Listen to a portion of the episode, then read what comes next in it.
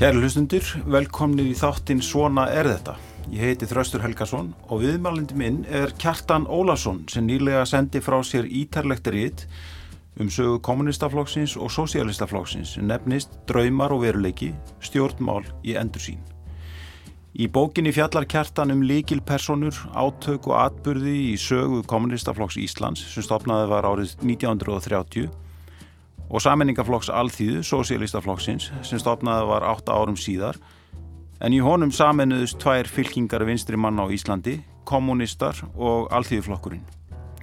Sosialistaflokkurinn starfaði í 30 ár, eða allt í 1968, en hann var lagð nöður og stopnaður nýrflokkur sem fekk nafnið Alþýðubandalæðið. Í bók kjartans kemur fjöldi fólks við sögu, en þrýr áhrifamenn úr hópi vinstri manna eru þó fyrirferðamestir en það eru Einar Olgersson, Brynjólfur Bjarnason og Kristíni Andrisson. Sjálfur tók kjartan þátt í starfi vinsturhefingarinnar á Íslandi á síðustu öld en hann var um tíma framkvæmtastjóri Sósialistaflokksins og samtaka hernámsanstæðinga, þingmaður af þýðu bandalagsins og rittstjóri þjóðvílans. En við hann hefur kjartan kannski oftast verið kendur.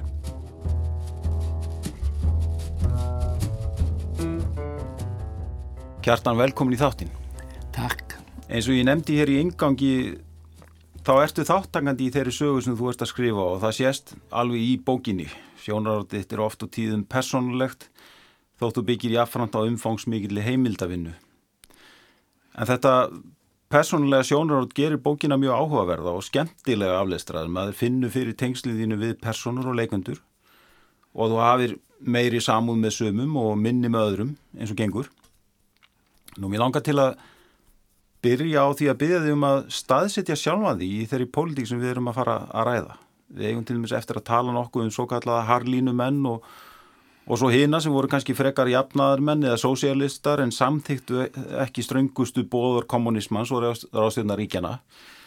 Hvar stóðst þú? Varstu, varstu einhver tíman stalinisti til dæmis? Já, það er best að svara því fyrst hvort ég hafi verið einhver tíman stalinisti. Og þá er frá því að segja að uh, þegar ég var unlingur á áránum kringum tvítugt þá var ég uh, eindregin talsmaður uh, sovjetstjórnarinnar á málföndum í skólum og í samtölum við ymsa félaga mína þannig að, að, að, að menn hafa vel geta haldið því fram en ærnum rökum að þessi maður væri stalinisti. En frá hinn er að segja að inn á sjáu mér var ég alltaf með bísna alvarlega fyrirvara það er nú ekki verið að lengja máli í því en þetta varðaði fyrst og fremst það að, að, að, að marxismin gerði ráð fyrir því að uh, fyrst kæmi þetta steg sósialismi og síðan kommunismi og það var loka takmarkið og hóttum menn að vera komnir bara í varanlega höfn og allt mannkinnið í lukku og velstandi Ég trúði aldrei fyllilega á þetta og eða kenninguna um nýjan mann. Það fylgdi marxismannum að sko bara breyttir þjóðfélagshættir þeir myndu breyta þessari dýrategund manninum. Hann er því kæmist á hærla siðferðilegt stig, er þið hamingjusamari og ég veit ekki hvað og hvað, en þarna var ég alltaf með fyrirvara. Já. Já, og, og rætti þá í nánustu vini mína ekkert öðruvísi. Einmitt. Svo breyttist allt 50 og, og, og 6 eh, og eftir það var ég aldrei neitt nálagt við að vera stalinisti. Nei, einmitt. Já. Við komum að því betur og eftir já, já. sem gerðist 1956. Mér þykir forunilegt að þú talar oft og yfirlega um menni eins og Einar Olgersson, Brynjólf Bjarnarsson og Kristíni Andersson hafi haft trúarlega sannfæringu fyrir massismannum og, og þetta er sjálfsagt tilfring margra sem upplifu þessa tíma og við hinn yngri sem öllumst upp á algjörlega trúlausum Já. tímum að öllu leiti Já. eigum erfitt með að skilja þessa trúarvissu, ég vil einhvers konar bóstafstrú um pólitíska hugmyndafræði. Þú reyndar að segja að þetta hafi verið innbyggt í marxismann? Já, uh, sko auðvitað var uh, marxismin uh, fjölþægt hugmyndakerfi og hægt að koma að honum frá fleirin einni hlið.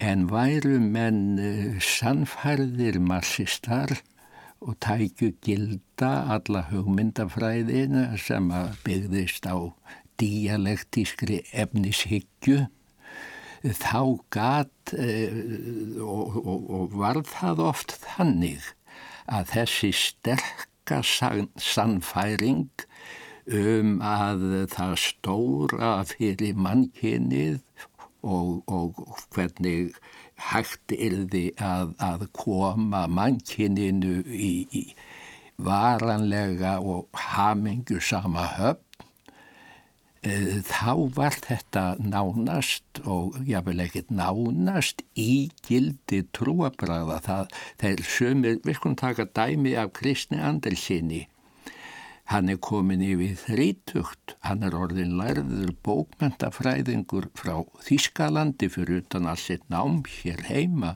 Hann hafði engan áhuga fyrir stjórnmálum en allt í einu stutt eftir hann er komin heim þá fer hann að lesa marxista ritinn og hann, ég má kalla bara endurfæðist, hann, hann sér allt í nýju ljósi, hugur og heimur, allt í nýju ljósi, öll sagan, e, ástand þjóðfélagsins, þannig að þetta er eins og trúarleg frelsun, alveg nákvæmlega hliðstætt. Og þetta var ekkert einstæmi, hins er auðvitað verðt að geta að, að allur megin þorri flokksmanna í sósialistaflokknum var ekki í þessu hugar ástandi en það var alveg tvímæla löst með Kristinn og það var það líka með Brynjólf. Hann, hann var, uh, marxismin vekti honum þessa lífspillingu getum við sagt og, og alveg eins og en fá út úr trúabráðu, kristni eða móumöstrú, einhverja stóru og mikla sannfæringu. Um einar er það að segja að hann hefði aldrei hika við að svara því játandi að hann væri marxisti en hann var alltaf með hugan við að búa til eitthvað nýtt úr marxismannum hann let ekki við það sitja að bara taka við þeim gamlu kenningum. Heldur var hann með hugmyndir um að, að koma koma koma þeim í það horf sem hæfiði í nútímanum. Og þessi munur var, var á þeim Einmitt. Mér langar uh, sko til að uh, byggja þið mitt um að að bera kannski svolítið saman Einar Olgilsson og Brynjól uh, Bjarnason. Og sko þú rekur í byrjum bókarinnar aðdragandan á stopnum kommunistaflokks Íslands árið 1930 og þar koma þessi tveir menn mestu sögu. Og svo síðan endur Brynjólfur var höfuð pörun á bakvið stopnum flokksins. Já, já, já. Og, og hann var einmitt harðar á línunni en einar sem taldi til dæmis allt því hann gæti náð völdum með líðræðislegum hætti. Já, já, já. Uh, Má ég byrja um að bera þessa tvo menn saman og kannski sérstaklega ef þú getur sagt hvað sérstaklega hvað skildi þá að bæði hugmyndafræðilega en líka personleikana Já, sko það er frjá því að segja að þetta voru mjög ólíkir personleikar Einar uh, var þannig í, í, í framgöngu og samskiptum við menn að hann virkaði nær alltaf alveg sérstaklega aðlaðandi. Hann átti mjög auðvelt með að, að, að ná til breytilegra einstaklinga. Hann var yfirleitt alltaf með svona vissum gleðibræði, hann var að spjalla við menn og uh, í, í raun og veru þá var hann mjög tilfinninganæmur og þegar maður að spyrja menn sem, sem þótti kannski skrítið hvernig þess eða hinn ættingi hefði það amma viðkomandi eða hver veit hvað, þá var þetta ekki uppgerð, þetta var honum eðlilegt. Hann, hann vildi allstaðar að geta orðið að, að, að liði. Og, og þetta auðvitað það var fyrst og fremst þessi færni einas og þessi persónuleiki hans sem eru þess valdandi að hann nær norður á Akureyri um það byrð 30% fylgi kjósenda í kostningum eftir kostningum meðan fylgi hjá kommunistaflokknu hér Reykjavík fór aldrei yfir 7,5%. Eh, alltaf fram að síðustu kostningun tekið fram þegar einar var í, í fyrsta sæti í Reykjavík mm. Uh, nú Brynjólfur hann var auðvitað ákaflega mikið gefinn fyrir hugmyndafræði og, og, og marxismin var honum öðvið þannig hann, hann, hann var alveg tvímæla löst uh, uh, hafði það mikil áhrif og alla hans hugsun og alla hans framgöngu að uh, það var lítill munur á eða, eða hugsanlegu trúbóði fyrir kristindómi eða, eða, eða mómið og en hann var allt öðruvísi maður en einar. Hann, það var ekkert á honum í, í margmenni hvar sem hún komst í margmenn og einar var þar menn tóku strax eftir honum. Mm. hann var að tala við menn marg í einu og aldrei döð stund. En þú þurftur að svipast um eftir Brynjólfi og hann var ekki mikið fyrir að tala við nema þá einn mann í einu. Og, og þetta, var, þetta var munur. Og það voru auðvitað ólíkar stjórnmála skoðanir líka eh, vegna þess að, að einar var, var, var alltaf á reyfingu og alltaf eh, með hugan við það að, að sjá ykkur að nýja lið og, og finna nýjar aðferðir en Brynjólfur var auðvitað nálagt því að vera bókstafstrúaðu marxisti. Mm. Þetta var nú svona að það helsta með þá.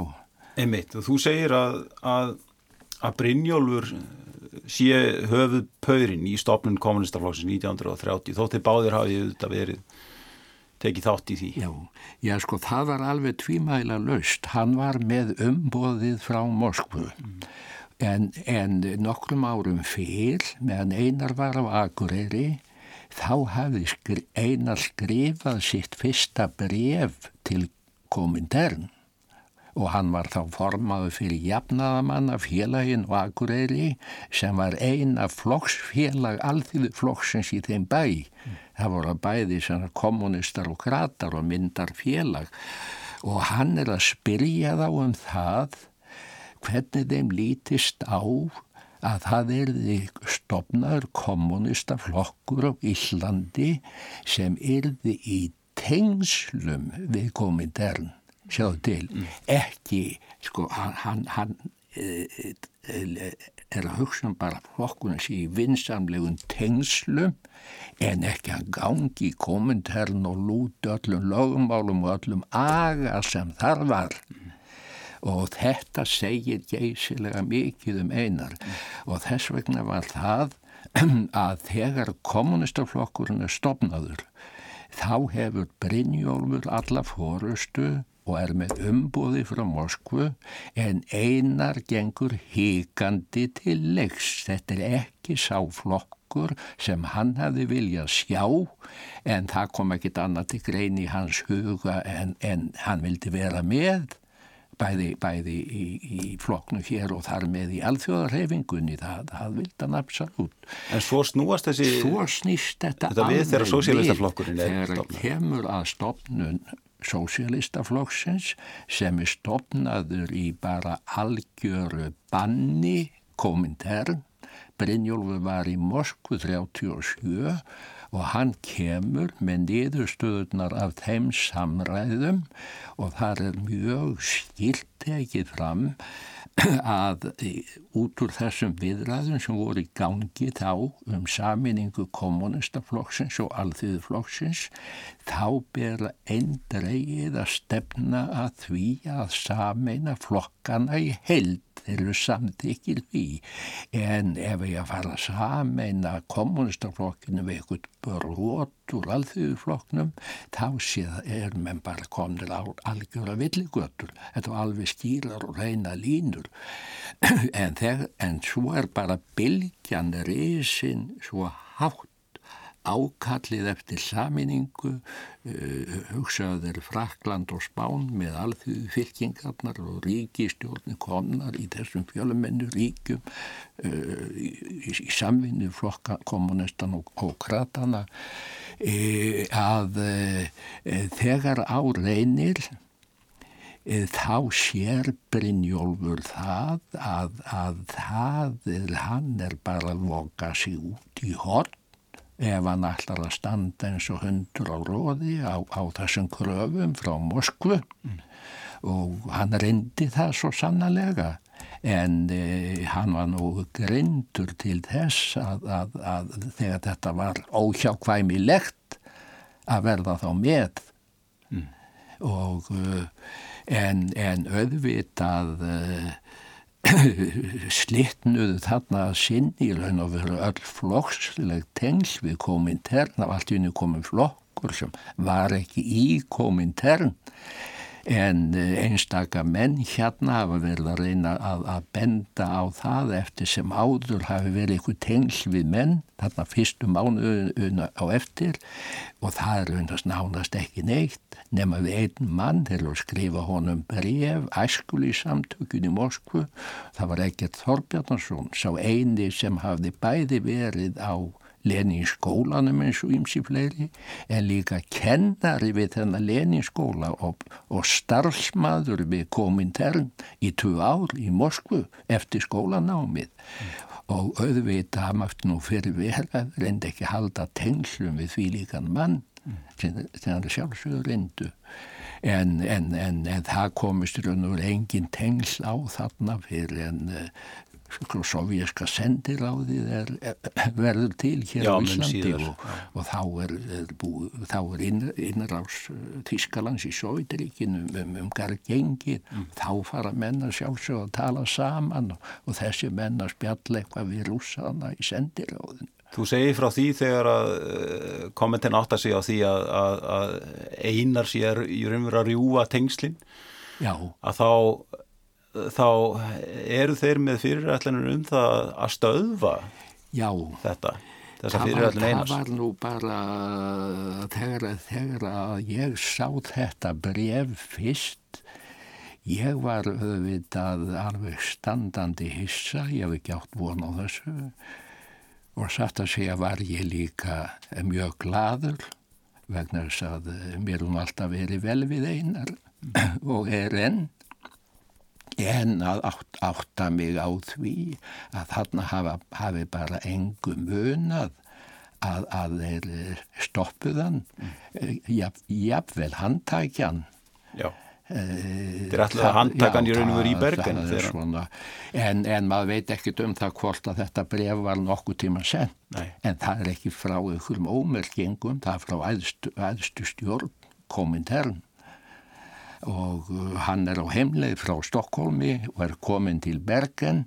Og þeir kallan, uh, kallan í þessu skeiti réttstjóran, hann var réttstjór í, verkalýsblaðsins á þessum um, tíma. Mm.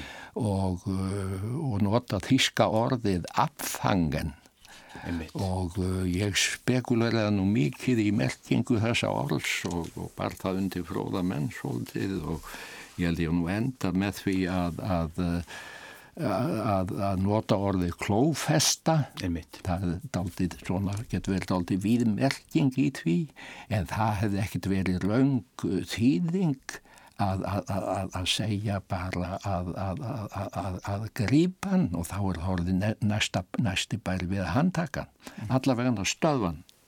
En þetta sambandi komintern þarna á fjóra, fjórða áratugnum. Það er, það er flókið. Það er ekkit sko hotlustan er ekki og, og, og, ekki algjör og þessi íslenski kommunistaflokkur auðvitað var hann í öllum megin atriðum eins og aðri kommunistaflokkar og allavega í orði þá gildi þarna þessi ægi að komintern hafði aðsta valdið og það kom fyrir innanflósteilum að menn fer og, og allar láta komintern skera, skera úr en, en, en það var samt sem áður þannig og sérstaklega minnistækt eitt dæmi sem að setur Íslandska kommunistaflokkin alveg fullkomlega í sérstaka stöðu með alla hýna og það er það þegar Stalin sjálfur sendir út mjög þýðinga mikið bref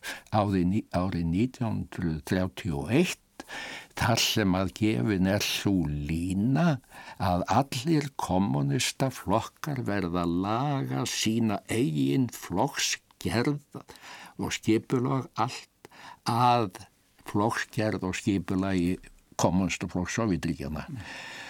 og þetta fer um allan heim og er líkt en hér hjá þeim einar og Brynjólfi þá brefinu stungjundi stól. Það er aldrei byrkt mm og Brynjólfur er setna yfirheirður í Moskvu því óskubónum sé ekki búið að byrta brefið og þá segir hann þessa kostulegu setningu að allþýðan myndi ekki skilja það mm. og brefið kom aldrei á prent hérna. Mm. Svona var nú ímislegt til hliðar sko og, og svo auðvitað eh, með marxismanna það er auðvitað ekkert normalt að samfærður kommunisti og formaður í Moskvuhöllum kommunistaflokki að, að þegar farið að skegna stýbra og skoða inn í hann hjörtun og nýrun þá kemur ljós að hann er bara spiritisti og þetta er alveg sérstakt sko og eins og skemmti aðriði satt að segja.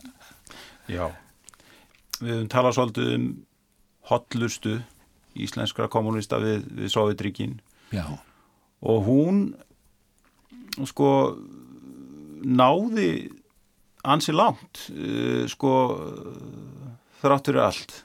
Já. og eins og ég sagði þetta, þetta samband var að mörguleiti mjög flókið og, og þú rekur það mjög vel í og með mörgum dæmum í, í bókinni en sko en maður veldi því fyrir sér og þú reynda veldi því fyrir því þegar í bókinni hvað allir því að íslenski kommunista heldu hotlustu við Sovjet, Sovjetríkjum fram eftir öllu? Þráttur í réttarhöldin í Moskvu og setja hluta fjóruða ára tugurins þráttur í innrásin í Ungverðarland 1956 og uppgjörsræðu Krúsjó sama ár um stjórnarætti Stalins. Jável þráttur í innrásin í Prag 1968 Ertu með eitthvað svar við svona þessari almennu spurning? Já, já, ég hef svar við því.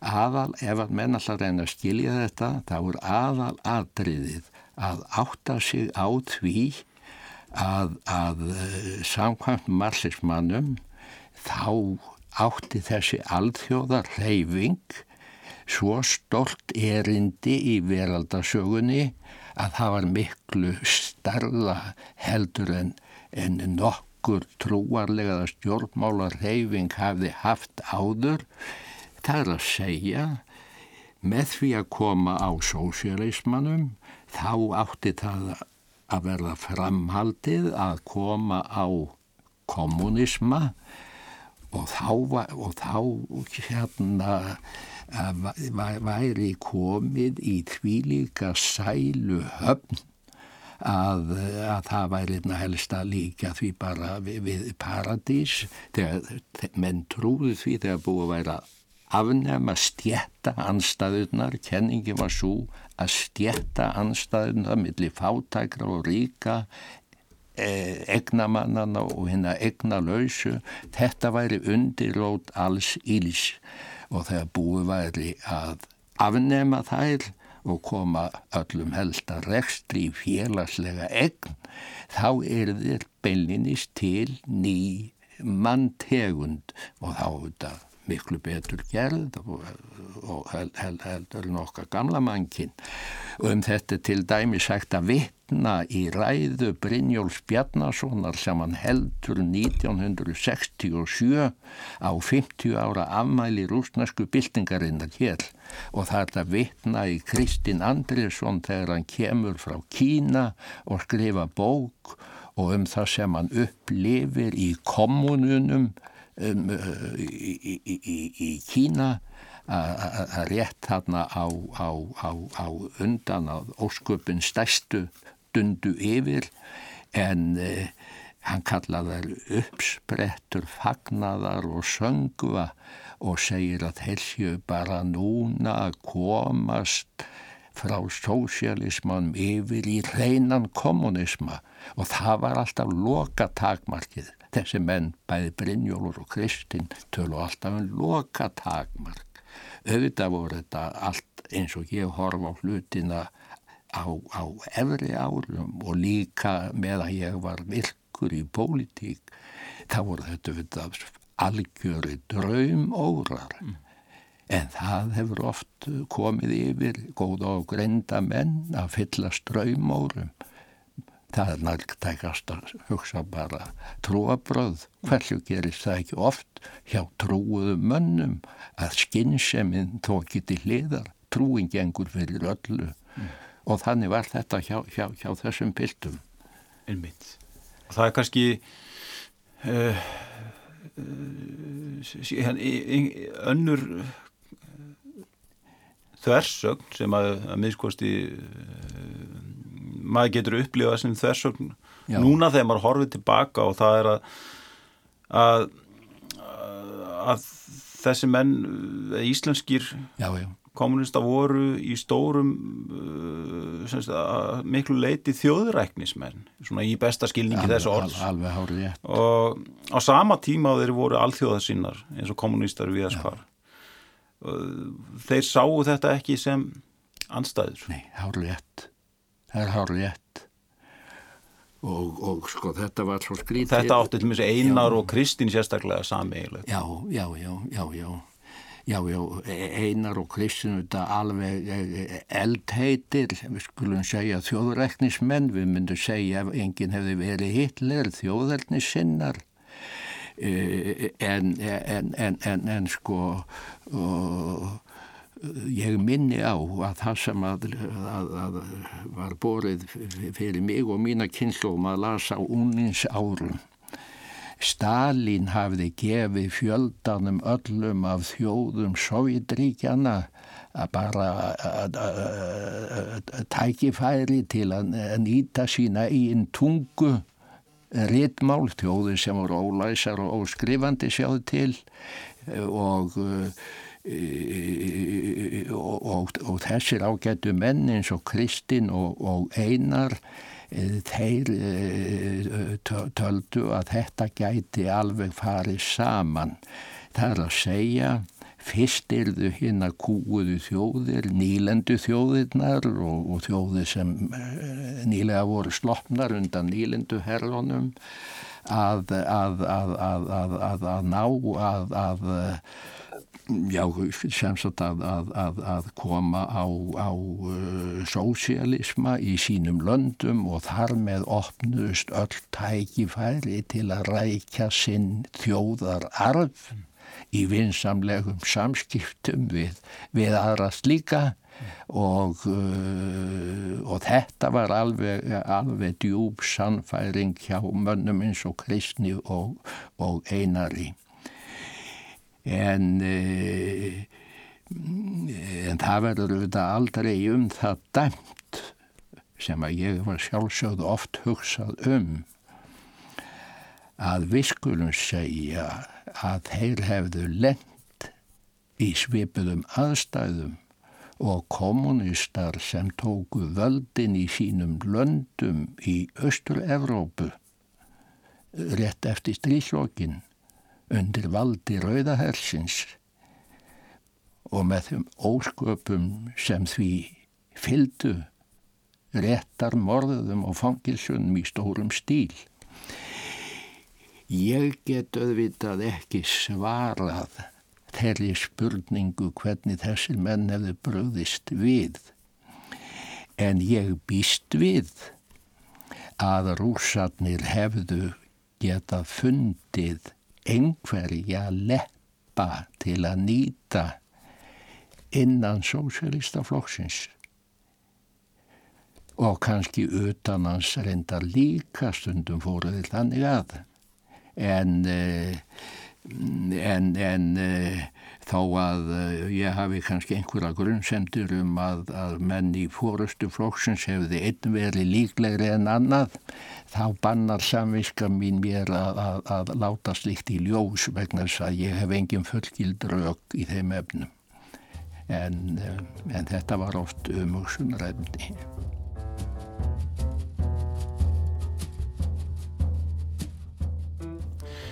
Kæri hlustundur, ég heiti Þraustur Helgason og þið eruð að hlusta á þáttinn Svona er þetta. Gestum minna þessu sinni er Kjartan Ólason, fyrirverðandi rítstjóri Þjóðvíljans, sem nýlega sendi frá sér ítarlegt rít um sögu kommunistaflokks Íslands og sosialistaflokksins. Í þessum þáttum hefur engum verið rætt um stjórnmál samtímans, stöðu líðræðisins síðustu ár þar sem líðskurumarar að ímsu tægi vaða uppi og veikja samræðun á samtakamáttin sem líðræði byggir á. Í síðasta þætti var rætt við Guðrúnu Jónsson um kenningar franska hagfræðingsins Thomasar Piketty um miskiptingu auðs en hann heldur því einmitt fram að stert og virt líðræði auki efnaðaslegan jöfnuð.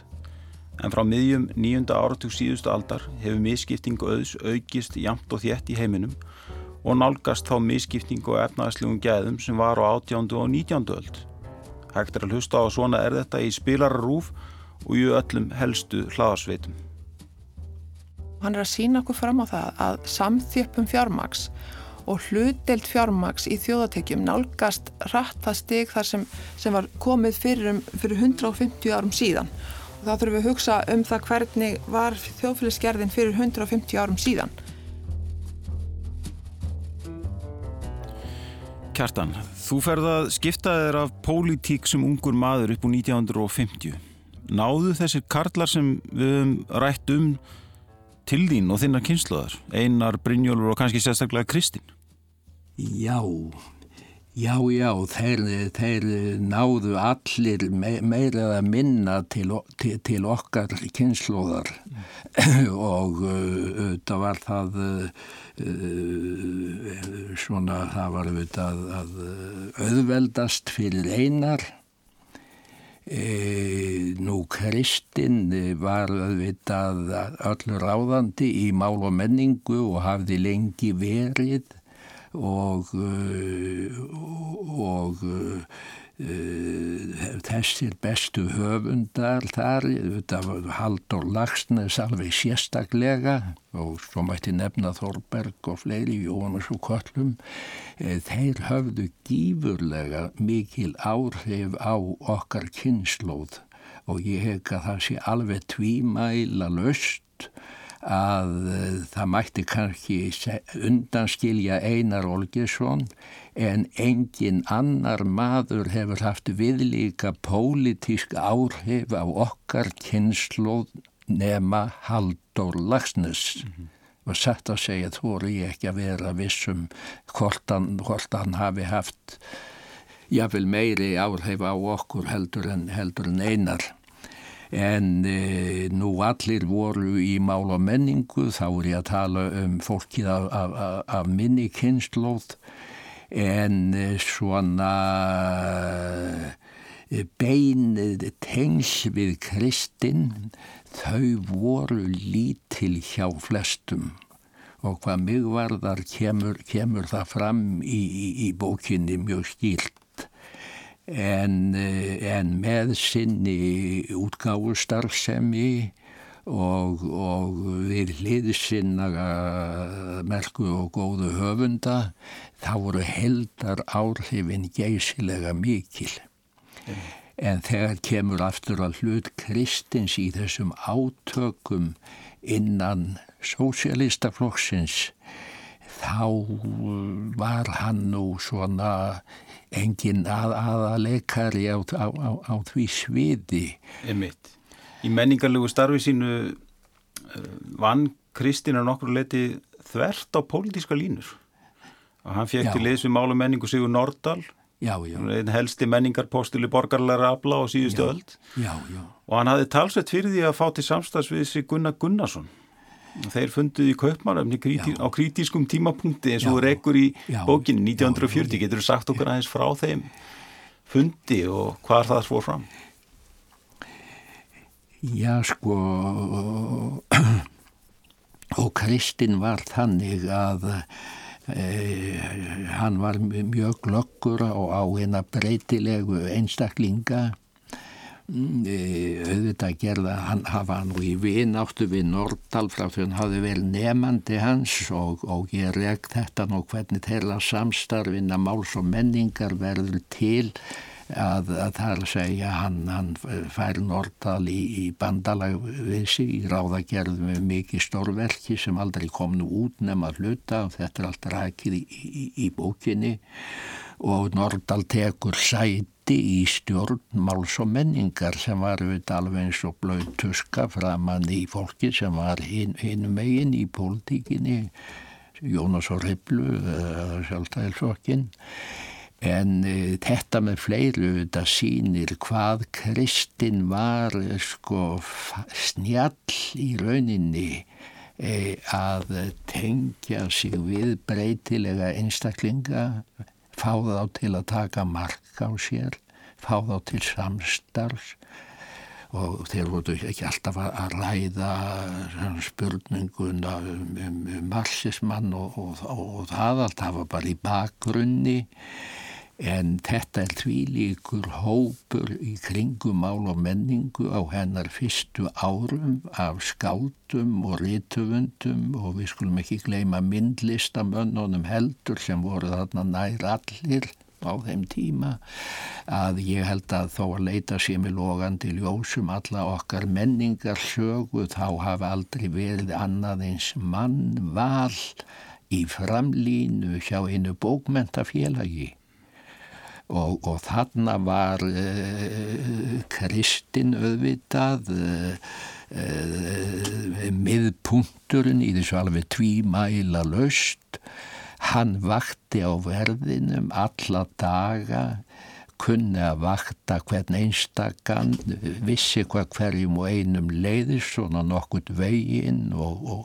og, og, talar við menn sem sagt í tveggja manna tali eftir því sem hann talda þyrti á að halda.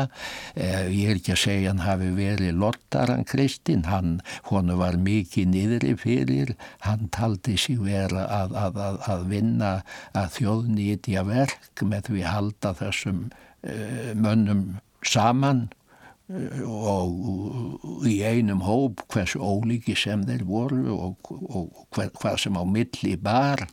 Og hann kunni svo sannarlega að tala upp í eirun á hverjum og einum.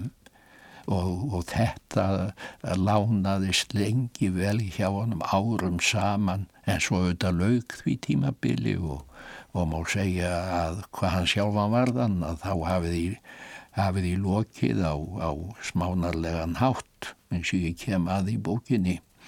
En, en, en, en mynd Kristins frá þessum árum sem eru hans blóma tími hún verður ekkit rifi niður og að engu gerð. Hann er á þessum árum alveg stórun merkileg persóna í íslensku menningalífi og Það, þegar hann sko hann, hann eins og reykur hann tegir sig svolítið langt þegar hann fer og næri Gunnar Gunnarsson og áformin eru að gefa út hans rítverk í heilsinni og, já, já. og þeir hittast í Kaupmannöfn 1940 Já, já, en ég minni á þetta að auðvita þetta bandalag millir Kristins og Gunnars. Það gat aðeins orðið á þessum skamma tíma griða sáttmála Hitlers og Stalins. Alþjóða pólitíkin var alltaf hérna upp á borðinu hjá þessu fólki í sósélistaflokknum og auðvitað að hjá, hjá hinnum líka og uh, Og þetta var nú þannig að Gunnar Gunnarsson var búin að gefa út fjölda bóka á dönsku, búsettur í Danmörku. En aðeins örfáar þessara bóka hafðu verið hittar á íslensku. Og, og, og Haldur Kiljan kom nú sjálfur að því með því að þýða að fjallkirkjuna. En en hann áttu auðvitað sína sögu sem, uh, já, ég get ekki annað en sagt í raunni, bandamadur uh, þýsku nazistanna, ég rek það nú allt í bókinni, er, er dáður þar og dilkaður og, og, og bóðin sem heiðusgestur á, á, á, á flokksting og, og það er alveg sárgrætilegt að, að, að, að skoða þann feril allan. En, en, en, en þarna er alveg sérstakur tími í mannkinsögunni og hafði heilmikil áhrif hér, hér, hér heima og það sem ég er nú að kritisera í minni bók vegna sem ég þótti hörmulegt að sjá það og það er hvernig þessir ágætu menn sem voru rítstjórar þjóðviljans, Einar Olgesson og Sigur Sigur Hjaldarsson hvað er eru nálægt því að leggja þjóðverja og breyta að jöfnu auðvitað áttu breytar sinn langa feril sem helst nýlendu kúra heimsins. Að þetta er að tekja allir. En þegar þarna er komið sögu þá likur við að þeir standi einir uppi og Hitler búin að leggja undir sig megin hluta Evrópu. Og svo kemur auðvitað einrásin í Sovjetríkin og þá, þá breytist allt. Eh, nú er hlaup, tímin að hlaupa frá okkur kjartan eh, Já. og það er margt að tala en uh, mér langar til að ljúka þessu á því að, að tala um Sigfús Daðarsson sem var einn helsti tengiliðu Kristins inn í hóp ungra skálda á þessum árum sem nefnd hafi verið atomskáld. Sambandir var flókið, Sigfús kemur heim og námi í Fraklandi árið 1959, hefur störf sem riðstjóri tímarins máls og menningar og starfar hjá forlægin í 17 ár á þessu tímubili verða ímsir áreikstrar, á milli Sigfúsar og Kristín sem stafa einna helst af því að þeir voru í raun ekki sömu skoðanar á Sovjetinu og, og reyndar ekki heldur alveg á, á bómyndum. Heldur að Sigfús hafi ráðið sér til máls og menningar með hálfum huga eða blendnum huga?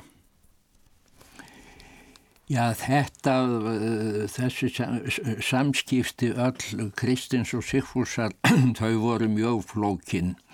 Kristinn er, nei, hann, hann Sigfús, hann er á allra fyrstu áraunum eftir stríð e, bæði mjög heilsulítill og algjörlega félauðs unlingur en með þessa miklu menta þrá og hann, hann er langt völum á, á landsbítalanum og eitthvað á öðrum sjúkrahúsum og uh, hann á í rauninni engan að af ættingum að slíkum hér í Reykjavík.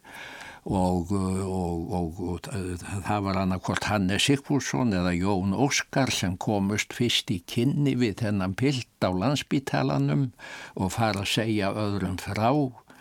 Og þar kom að Kristinn og Þóra Þóra kynni nú að hafa haft fórustu um það. Já, Það bjóða Sigfúsi að vera í fæði hjá sér. Mm.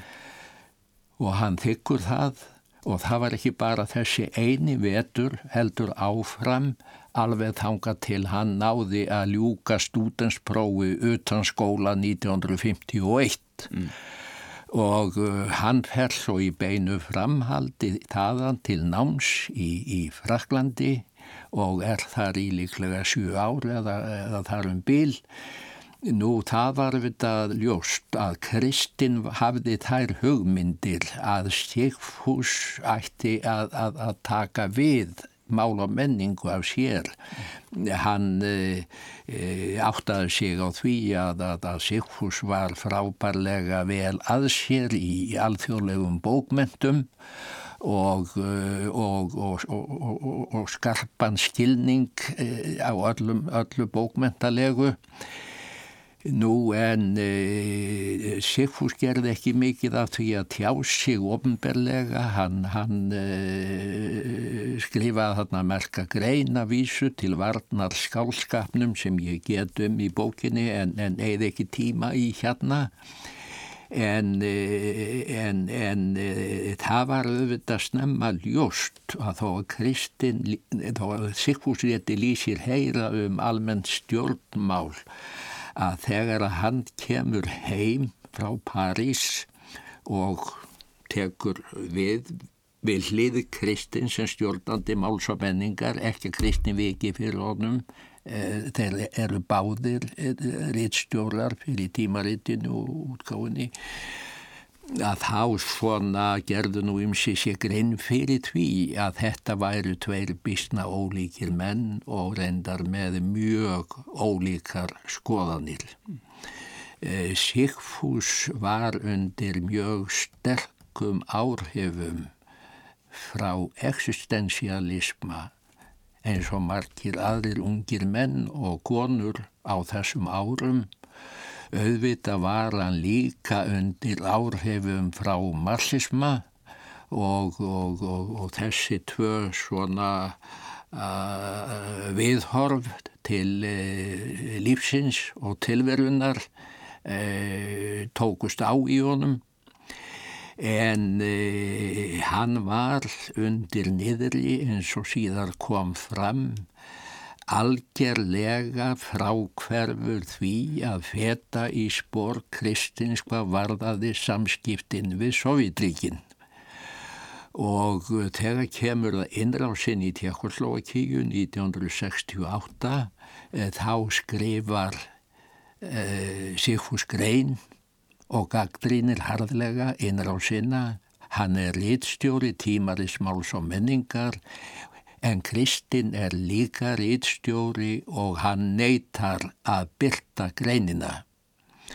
E, og þetta er nú bara eins og sjón leiftur til að bregða ljósi yfir, yfir þeirra samskipti. Auðvitað þá var Kristinn meðvitaður um það að e, Kristinn og Þóra þau voru ekki langt frá því að hafa bjargað lífi hans. Það er að segja að þau höfðu minnst að kosti bjargað honum frá því að, að menta leiðir lokuðust og hann heldi sér bara við spítalan og þá sveitin ef hann gæmist heim til síns fátæka föður. Þannig að hver einstaklingur sem að lendir í slíkum spórum hann finnur sig auðvita skuldbundin alveg nýri í rót. Og hvað Sigfús var það þá var það vita, ekki síður við þóru sem að tvímæla löst var honum mjög kær tilfinningalega líka og það koma menn kannski og segja því óskupunum er Sigfús að gaufa þarna með kristni eins og hundur ár eftir ár. En hver allar að, að við slíkar aðstæður að, að, að rýsa upp og segja þessum hjónum að fara til helvítis eða til Moskvu og hann vil ég ekkert með þau hafa. Eh, hefðan gert það, þá hefðan auðvitað að, eh, Eh, líka verið að setja mál og menningu á hausinn því hún þurfti á þeim báðum að halda þegar þessi tím var komin og þó fyrst og fremst Sigfúsi mm. E, og þannig að það kvarlar ekki að mér og hefur aldrei kvarlað að hafa upp ykkurar ásakanir á Sigfús þó að hann gengi ekki út á tork og sliti dráðin við Kristinn og, og tækja að, að, að, að fyrirlíta það sem þau höfðu fyrir að hann gert. Sjúkan og félausan unling en hann hættir að yrkja í langan tíma þá byrtir hann ekkert og, og uh, uh, það voru líklega bara átján ár það löngu tími og, og ágætur maður hafði nú talað um þetta sem innri útlegð Sigfúsar á undan mér, það var Þorstit Þorstensson bókmentafræðingur en ég nota það orð líka eða þau orð því að þessu verður ekki líkt fremur við neitt annað. Hann, hann, hann, það kom í ljóð setna að hann hafði orð svo, svo mikið á þessum árun en það byrtir ekkert. Uh, var auðvitað búin að senda frá sér uh, já minnst að kosti fyrstu bókin og kannski að vera 8-2 áðurna þessu kom og, og, og, og bókin uh, markaði viss tímamót hér hjá okkur þegar hún kom út svo fyrsta. Mm en, eh, en, en, en síðan auðvitað eh, líður tímin og menn verða til þess eftir að Kristinn er dáinn að bæja Sigfúsi frá uh, mál og menningu. Ágætti flokksmenn hjá mér stóðu fyrir því. En uh, það hétt svo að hann kynna ekkert að reyka fyrirtæki, hann hefði ekki fjármála vitt Eh, en ég, ég bendi á að eh, bankarnir fara að lána honum strax á eftir til að stopna annað fyrirtæki sem hann rak síðan með sóma í allmörg ár, ljóðhús. Þannig að það er ekki gott að, að vera vissum það, samt getur það vel verið að, að, að bankarnir hafi talið málamenningu gæltróta, ég get ekki dæmt um það, það getur verið en svo kemur auðvitað þessi mikla saga sem að ekki tóm til að reykja hér með, með, með rúbluna hjá kristni sem að tengist þessu öllu. En Einmitt. tökum eftir því Sigfús, altså kristin er á hverju ári e, austantjáls, oftast auðvitað í Sovjetríkjónum, Sochi, Svartavós framvís. Sigfús fór aldrei til Sovjetríkjana og að minna að, að, að halda því fram að, að þeir hafi verið munurinn á þeim hafi verið lítill. Þáttu að bara benda á þetta. Þetta var alveg að lífskoðunum og gerð og viðhórum öllum það voru þetta alveg gjör ólíkir menn. Við erum búin með tíman, Kjartan. Við getum setið hér lengi og talað um rítitt um íslenska vinstirheimingu og síðustu öld Ég óskaði til hamingi með þetta viða miklu og áhugaverða verk. Takk fyrir komuna. Kæri lusnundur, við verðum hér aftur að vikuliðinni. Góða Já. stundir.